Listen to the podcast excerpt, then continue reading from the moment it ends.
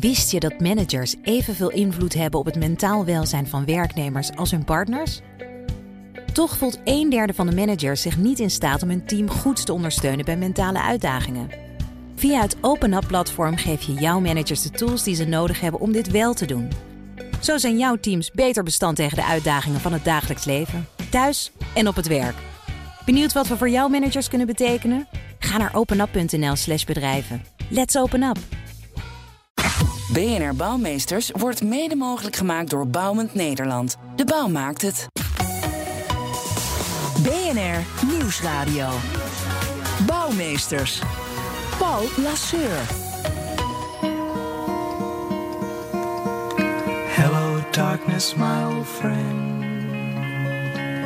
I've come to talk with you again. Because a vision softly creeping within the. Ja, welkom bij BNR Bouwmeesters voor de bedenkers, bouwers en bewoners. Ja, onze steden die klinken ineens heel anders door het coronavirus. Het rinkelen van een tram in Amsterdam, de politiesirenes in New York, je hoort ze bijna niet meer. Het is ineens stil in de stad en metingen bevestigen dat. Maar helemaal stil wordt het natuurlijk nooit. De vraag is wel hoe deze nieuwe stilte nou eigenlijk klinkt. Hoe we met deze nieuwe norm van geluid in de gebouwde omgeving kunnen omgaan, dat ga ik bespreken met Marcel Kobussen. Hij is hoogleraar auditieve cultuur aan de Universiteit Leiden. En hij vindt dat we al die stilte echt schromelijk overwaarderen. Nou, welkom terug in, de, in, de, in het programma, Marcel. Uh, je was al eens te gast in BNR Bouwmeesters. Leuk dat je er weer bent. Dankjewel. Uh, hartstikke leuk om er weer te zijn. Ja, we beginnen voordat, we over eh, de stilte in de stad gaan, gaan praten. Uh, trappen we altijd af uh, in de uitzending met een bouwsucces en een bouwflater van onze gast. Dus uh, heel kort, Marcel, wat, wat is voor jou nou echt een bouwflater en een bouwsucces? Nou, laat ik met het positieve beginnen. het bouwsucces. Um, ik loop heel graag um, over de Erasmusbrug in Rotterdam. En dat is um, eigenlijk voornamelijk vanuit mijn expertise als uh, um, ja, iemand die dagelijks met geluid bezig is. Op het moment dat ik over die brug loop en je hoort uh, daar een tram overheen rijden, uh, dat, dat, dat donkere, zware geluid. Wat zich vermengt met boten die onder die brug door, doorvaren. Het water wat je hoort kabbelen. Maar ook de mensen die op die brug lopen. Uh, en zeker op het moment dat je er zelf overheen loopt, dat dat geluid de hele tijd verandert. Ja. Ik vind het echt prachtig om daar te lopen. Ja, dat resoneert en, uh, echt. Hè? Die, die, die zingende tuidraden die dan. Ja, het maakt constant geluid natuurlijk ook op dat die wind daar de hele tijd een grote rol speelt. Ik vind het echt prachtig om daar te lopen en luister er veel liever naar dan naar, uh, laten we zeggen, Sky Radio. Ja, ja, ja. en uh, kom je meer mensen tegen die ook op die manier zo, zo goed luisteren naar hun omgeving? Nou, laat ik zeggen dat ik uh, heel vaak als ik met uh, anderen daar uh, overheen loop, vrienden die op bezoek zijn of, of collega's, dat ik vaak diezelfde route loop en, en vraag om, om op het moment dat we die brug oversteken, om eventjes gewoon stil te zijn en, en samen te luisteren naar wat daar gebeurt. En uh, er zijn ook een aantal geluidswandelingen in Rotterdam. Eentje daarvan gemaakt door een uh, hele mooie, goede geluidskunstenaar, Francisco Lopez. Die ons ook, ook over die brug leidt. En ook vraagt om stil te staan en, en aandacht te geven aan al die geluiden. Dus uh, er zijn zeker meer mensen die, die daarmee geconfronteerd zijn. Daarnaast is er ook nog een hele mooie CD gemaakt door een machinefabriek. Die alleen maar geluiden van die brug heeft gebruikt voor zijn CD. Dus er is zeker meer aandacht voor ja. Oh, dus Rotterdam en dan met name de Erasmusbrug is echt een, echt een aanrader en een groot bouwsucces. Een bouwflater dan? Nou, eigenlijk heb ik zelf heel veel uh, problemen altijd met hele grote gebouwen. Uh, omdat ik daar vaak de menselijke maat vind ontbreken. Maar vanuit het auditieve perspectief zou ik uh, de busterminal achter Amsterdam CS willen noemen. Dat ziet er prachtig uit. En, en van bovenaf, als je met het vliegtuig aankomt, kun je die letters Amsterdam en zo lezen. Maar als je daar bent, auditief, is het een absolute ramp. En ik, ik denk dat ook mensen daar laat ik zeggen, veroordeeld zijn om um, zich alleen visueel te oriënteren op welke bus waar vertrekt. Want auditief is het ook in deze tijden van, van relatieve stilte en waar, wanneer er weinig mensen zijn, is het, is het een enorme galmbak en is het auditief gezien is, is het geen succes. Is dat eenvoudig op te lossen misschien, of niet? Um, ik ben natuurlijk zelf geen architect. Uh, dus ik, ik kan daar niet zo heel veel over zeggen. Ik kan eigenlijk alleen maar een oproep doen aan uh, architecten om daar veel aandacht of meer aandacht uh, aan te schenken. Hmm. Ik denk wel dat het heel veel te maken heeft met het gebruik van het materiaal bijvoorbeeld. De gladde oppervlakte, veel glas, veel beton. Dat resoneert natuurlijk enorm. Ja. En dat maakt dat het auditief in ieder geval aanzienlijk minder aantrekkelijk wordt. Ja. Hoe, um, hoe zou jouw ideale stad uh, klinken? Of, of, laat ik het anders vragen. Zijn er steden waar we jou geblinddoekt kunnen neerzetten... en dat je dan meteen weet waar je bent? Ik bedoel, zou, je, zou je Rotterdam herkennen? Ik denk dat ik het verschil tussen Rotterdam en Amsterdam op bepaalde plekken, althans in ieder geval, uh, wel zou kunnen horen. Um, en ik, ik, zou zelf een enorme voorkeur hebben voor uh, de opzet van steden meer in Zuid-Europa. Um, omdat daar een veel groter verschil is tussen, laten we zeggen, brede allees en wegen waar, waar veel gemotoriseerd verkeer overheen gaat. Afgewisseld met kleine, smalle steegjes waarin die auditieve beleving zo enorm anders is. Uh, een ander voorbeeld zou uh, Berlijn zijn. Uh, heeft ook grote, brede straten, veel verkeer. Maar je loopt zo'n hofje binnen en die zijn er nogal wat daar. En opeens zit je in een totaal andere auditieve omgeving. Dus eigenlijk wat ik, wat ik zou promoten, wat voor mij een ideale stad is, is een stad waarin heel veel auditieve verschillen te horen zijn. Op een relatief kleine, klein oppervlak, wat je makkelijk uh, te voet kunt afleggen. Mm, ja. Hebben steden een soort klankhandtekening? Of een, een vingerafdruk? Als dat zo zou zijn, dan is dat denk ik uh, meer toevallig dan uh, onderdeel van, van een strikt beleid. natuurlijk steden die aan zee liggen of aan een rivier. Of steden zoals Rotterdam, die na de Tweede Wereldoorlog opnieuw zijn opgebouwd, die een duidelijke inzet hebben gekregen van uh, er moet verkeer doorheen kunnen. Die hebben natuurlijk een hele andere signatuur dan, dan oude stadcentra van, van grote steden zoals uh, Parijs of Rome of Barcelona, Madrid. Um, dus in die zin hebben ze wel een eigen signatuur. Maar ik denk niet dat dat uh, onderdeel is geweest, vaak, van een, een, een duidelijk beleid. Nee. om ook een stad auditief vorm te geven. Ja, nou, het heeft, je, je herkent uh, New York altijd meteen aan de, aan de politie-sirenes hè, die, je, die je op straat hoort. Of uh, een rinkelende tram in, in Amsterdam. Het, het, dat zijn wel specifieke aspecten natuurlijk. Ja, er zijn. Uh, je, zou, je zou kunnen zeggen dat, dat veel steden in, in dat opzicht wel bepaalde geluiden hebben die tamelijk eigen zijn aan een stad. Dus het is ook niet zo dat, dat uh, uh, Amsterdam nu volstrekt identiek klinkt met, met Utrecht. Uh, natuurlijk niet. En dat heeft onder andere inderdaad ook te maken met, met geluiden die incidenteel daar plaatsvinden. Zoals, zoals trams of bepaalde sirenes die inderdaad in Amerika heel anders klinken dan in Nederland. Maar nogmaals, dat is eigenlijk niet beleidsmatig zo ontstaan.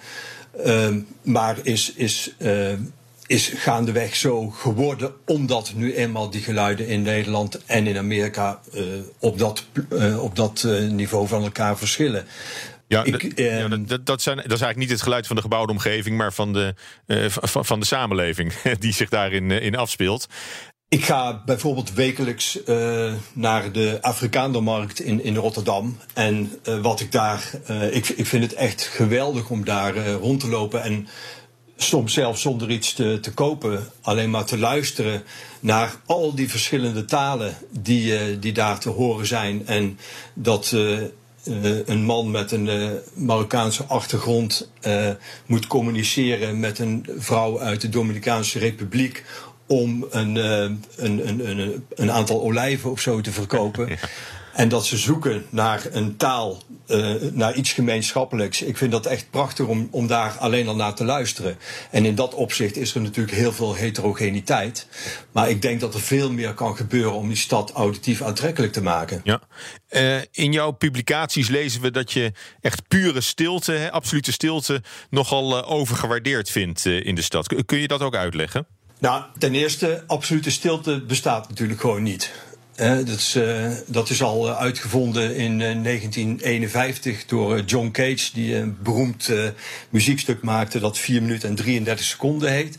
Voor een pianist. die doet de klep van de piano open. Na 4 minuten en 33 seconden doet hij de klep weer dicht. En dat was een stuk. Ja, dat hebben ze in de wereld, in de wereld door hebben ze dat uitgevoerd, volgens mij. ja. Oh, dat, dat zou kunnen. Ja, er zijn heel veel verschillende uitvoeringen van. En het interessante is dat ze ook steeds anders klinken. Hoewel je dat natuurlijk niet zou verwachten, want ja, het is gewoon stil. Maar wat je, waar je dan van bewust wordt, en dat is natuurlijk ook iets wat ons vandaag uh, overkomt met die uh, coronacrisis, is dat je opeens een hele hoop dingen gaat horen. Uh, je, je, je, bent je bewust van het, het geschuifel, het gekuch, uh, uh, het, wat, wat, wat mensen allemaal aan geluiden produceren terwijl ze in een concertzaal zitten. Um, of de ramen staan open en je hoort wat flarden van verkeer of, of vogeltjes of wat dan ook, ruisende bomen voorbij. En, en dat maakt dan onderdeel uit van dat werk, van, van dat werk van John Cage. Mm -hmm. En op het moment dat het dus op een andere plek wordt uitgevoerd, zul je andere dingen horen. En dat maakt eigenlijk dat we ons bewust werden dat stilte helemaal niet bestaat. Mm. Het andere uitzicht is natuurlijk geluidsoverlast. Hè? Dus, dus de herrie die als, als lastig wordt, uh, wordt ervaren uh, in, in, in normale tijden. Wat, wat zijn volgens jou de meest voorkomende vormen van uh, geluidsoverlast in de gebouwde omgeving? Uit onderzoek blijkt dat mensen zich het meest storen aan geluid van verkeer. En ten tweede, en dat is misschien opmerkelijk, uh, geluid van, van buren.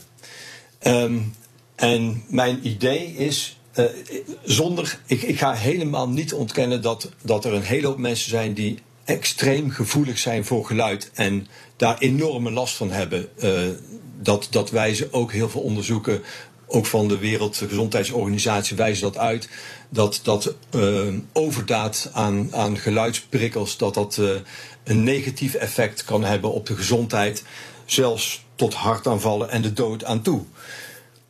Aan de andere kant denk ik uh, dat we ons moeten realiseren dat op het moment dat je geluid veroordeelt, dat dat soms ook een andere onderliggende oorzaak kan hebben. Dus op het moment dat jij je stoort aan het geluid van een buurman, hoeft dat helemaal niet te zijn omdat dat geluid zo hard is of omdat het op een tijdstip wordt geproduceerd waarop jij eigenlijk uh, wilt slapen of op een andere manier relaxen. En dat je denkt van, ah, hoe kan hij nou midden in de nacht opeens die muziek keihard zetten? Het kan zijn dat die buurman jou niet heeft verteld van dat hij vanavond een feestje heeft en uh, dat, dat, dat hij vraagt van nou kunnen we tot een uur of elf doorgaan. Dus op een moment dat, uh, dat er begrip wordt gekweekt voor het geluid dat wordt geproduceerd, dan blijkt dat mensen zich daar veel minder snel aan storen. Dus je, je moet, er, je moet er even, even over praten dan, over het geluid. Dat, dat helpt, al, uh, helpt al meteen. BNR Nieuwsradio. Bouwmeesters. Paul Lasseur. Zometeen praat ik verder met Marcel Kobussen, hoogleraar auditieve cultuur aan de Universiteit Leiden. Dan gaat hij ons vertellen hoe geluidskunstenaars ons beter kunnen leren luisteren. Maar eerst. BNR Bouwexpo. Is hier redacteur Judith Lane voor de Bouwexpo. Hoi Judith. Hey Paul, hallo. Ja, je kunt nergens meer naartoe, dus je hebt maar een gebouw uit eigen stad uh, bekeken. Ja, want ik kan natuurlijk wel nog uh, gewoon rond uh, fietsen in Den Haag. Um, en ik wilde het graag hebben over theater De Nieuwe Regentes in de Wijmarstraat in uh, Den Haag. Want dat was namelijk ooit het grootste overdekte zwembad van Europa. en toen heette het de Zwem- en Badinrichting. Oh. je kon er dus, ja, hele mooie naam. Je kon er dus in een van de stortbaden, je kon er douchen, je kon naar de sauna. Want het was dus voor mensen ook die thuis geen douche hadden vroeger. En toen heette het de Regentes. Het staat dus midden in een woonwijk en het heeft een hele mooie art deco gevel. En je zou eigenlijk echt niet zeggen dat er dus een zwembad of uh, nu een theater achter schuil gaat. Want het ziet er gewoon uit als een woonhuis. Maar uh, het is wel een belangrijke plek, want uh, heel veel Hagenezen hebben hier dus hun eerste zwemdiploma gehaald. Dus daar liggen heel veel herinneringen. Ja, en het pand bestaat dit jaar 100 jaar? Ja, klopt. De eerste steen werd gelegd op 24 april 1920. Dus uh, dit jaar inderdaad markeert het 100-jarig bestaan. Uh, en uh, er zijn ook nog heel veel oude tegels te zien. bij wegwijzering is er ook nog, zelfs de badhokjes zijn er nog. en in de jaren 90 werd het pand afgekeurd. Want het moest natuurlijk aan steeds strengere eisen voldoen. En dat lukte op een gegeven moment niet meer. en toen ja, bedachten ze van ja, wat moeten we er dan mee doen? Toen kreeg het uiteindelijk een nieuwe bestemming als theater. En dat was in 1995. Uh, en in 2001 werd die nieuwe bestemming definitief. Want uh, de buurt heeft daar dus voor gezorgd. Want het stond namelijk heel lang ook op de slooplijst. En nu heet dus een van de zalen uh, Het Diepe. Dat is super toepasselijk natuurlijk. Want ja, het diepe. We gaan in het diepe. En daar liggen, dat vond ik dus superleuk, daar liggen dus van die glimmende zeegroene tegeltjes. En dan lijkt het af en toe net door de belichting alsof je dus in het water staat. Ja, dat hebben ze heel cool gedaan. En uh, ja, mensen zeggen ook eigenlijk nog dat het er altijd nog wel een beetje naar chloor ruikt. Ja, nou, het is dus gered door de buurt, dat, dat zwembad. Nu als theater. Maar in 2012 mm -hmm. moest het opnieuw dicht. Ja, want uh, toen waren er bezuinigingen. En uh, daar is uh, in ieder geval in de Haagse politiek en ook in de Haagse stadskranten veel om te doen geweest. Maar juist omdat er zoveel om te doen is geweest, kon het gelukkig een jaar later weer open. En er is een documentaire ook over de regentessen gemaakt van Omroep West. En die documentaire, daarmee wil het theater dus het belang van behoud van erfgoed ook laten zien. En wat is de waarde is van zo'n culturele ontmoetingsplek. Want ja, zoals ik al zei, deze, dit theater staat dus in de wijk Zegbroek. Op de scheidslijn van Zand en Veen. En voor uh, Hagenaars en Hagenezen is dat een bekend gegeven. Want Hagenaars die komen oorspronkelijk van het zand, Hagenezen van het veen. Deze plek die bracht dus jong en oud en arm en rijk samen. Dus het is uh, het, uh, een belangrijk gebouw voor Den Haag. Nou, misschien ook voor de komende 100 jaar dan nog eens. dankjewel weer, Judith. Bouwmeesters praat verder met Marcel Kobussen, hoogleraar auditieve cultuur aan de Universiteit Leiden. En de vraag die ik je nog wilde stellen is: uh, ja, in, uh, in de gebouwde omgeving is geluid en de auditieve omgeving vaak een beetje een ondergeschoven kindje. Hoe komt het dat mensen die die gebouwde omgeving ontwerpen en, en, en vormgeven, zo weinig aandacht hebben voor geluid? Is dat niet iets wat planologen en architecten en project, projectontwikkelaars veel beter uh, zich uh, zouden moeten aantrekken? Ik zou enorm voorstander uh, van zijn als dat zo als dat georganiseerd zou kunnen worden. Ik denk dat een van de grote problemen is dat daar in de opleiding over het algemeen erg weinig aandacht voor is. mensen die op de TU's studeren, uh, bouwkunde of planologie of wat dan ook, dat die erg weinig worden geïnformeerd over wat een omgeving die auditief niet of juist wel goed is vormgegeven doet met het algemene welbevinden van mensen. Dus dat daar meer aandacht voor komt, ook in de opleidingen, lijkt me van enorm belang. Het tweede is dat het probleem een deel van het probleem is, als er dan aandacht aan geluid wordt gegeven, dan is het altijd negatieve aandacht. Het gaat altijd over het onderdrukken van geluid, hè, alsof geluid per definitie iets negatiefs is. Of het is een acceptatie van, nou ja, er is nu eenmaal geluid en daar kunnen wij heel weinig aan doen. Um, dus, en als er iets aan wordt gedaan, dan zijn het eigenlijk alleen maar metingen uh, die voornamelijk gebaseerd zijn op decibels. Om te kijken of uh, bepaalde geluiden zachter gemaakt kunnen worden. Terwijl er natuurlijk ook legio tamelijk zachte geluiden zijn die wel enorm irritant kunnen zijn omdat bijvoorbeeld zich op een bepaald frequentieniveau bevinden waar mensen zich enorm aan kunnen storen.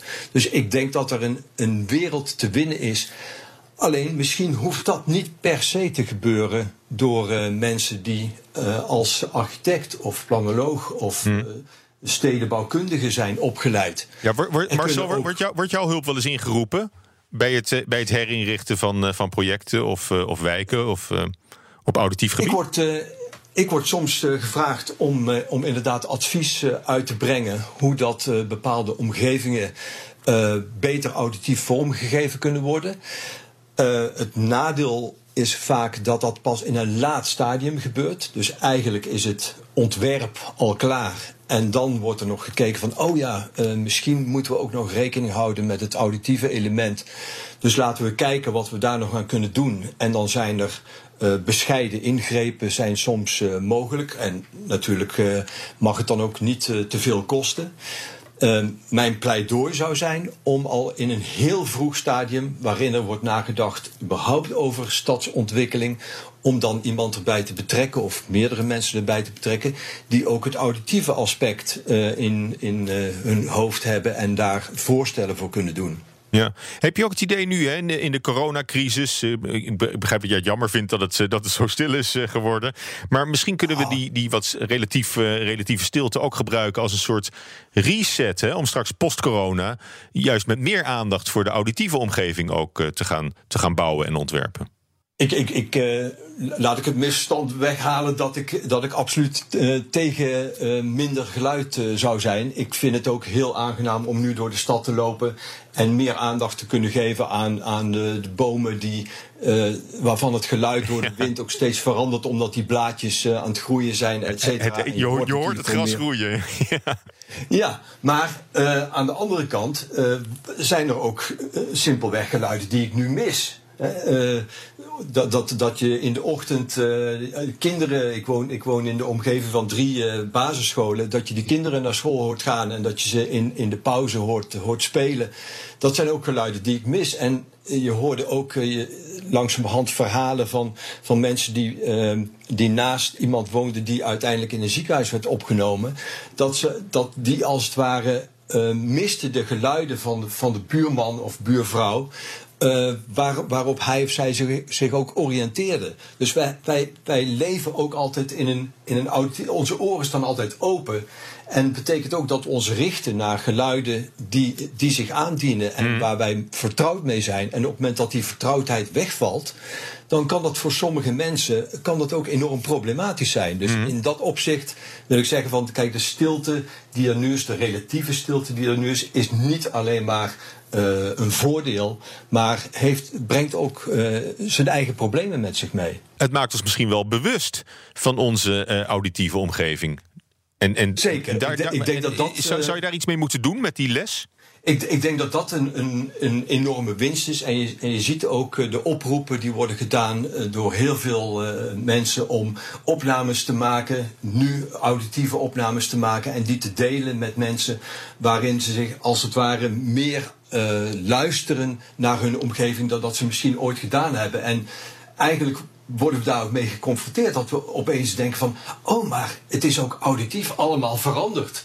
Uh, dus het, is, het is niet alleen maar simpelweg dat er minder mensen op straat zijn. Nee, dat betekent ook dat, dat zo'n stad heel anders is gaan klinken. En dat er misschien geluiden nu hoorbaar zijn die wij normaal helemaal niet horen, omdat ze worden gemaskeerd door, uh, door uh, verkeersgeluid. En dat we denken, ja, maar eigenlijk zou het prachtig zijn als we die altijd zouden kunnen horen. En dan hoeven we dat verkeer niet af te schaffen. Maar het betekent wel dat als je bepaalde ruimtes anders inricht, dat beide geluiden hoorbaar zouden kunnen zijn. Ja, nou, uh, gevraagd naar jouw ideale stad hè, op auditief gebied, kom je toch uit bij, uh, bij oude bestaande steden, hè, waar alles uh, heel organisch heeft vorm gekregen. de bouw wil juist standaardiseren. Hè, die, willen, die willen efficiënt steden bouwen.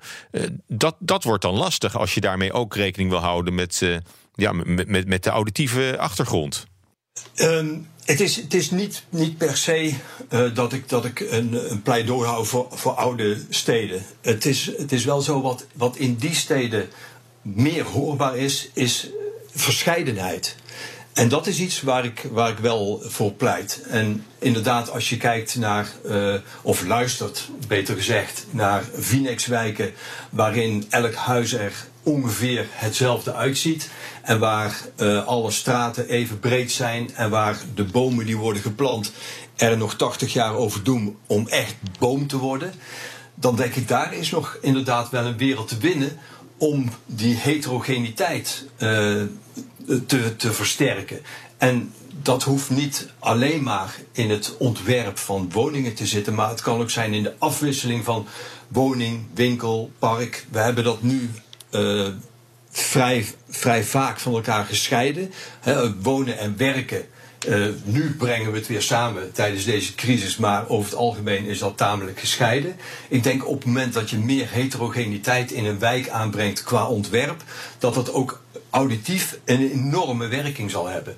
Ja. Dat is mijn pleidooi voor, voor meer verscheidenheid. En dat is iets wat je in die oudere steden wel vaak kunt horen, inderdaad. Ja. Je, je hebt er ook wel eens voor gepleit om uh, geluidskunstenaars meer te betrekken hè, bij het vormgeven van de openbare ruimte, om ze daar ook in te zetten.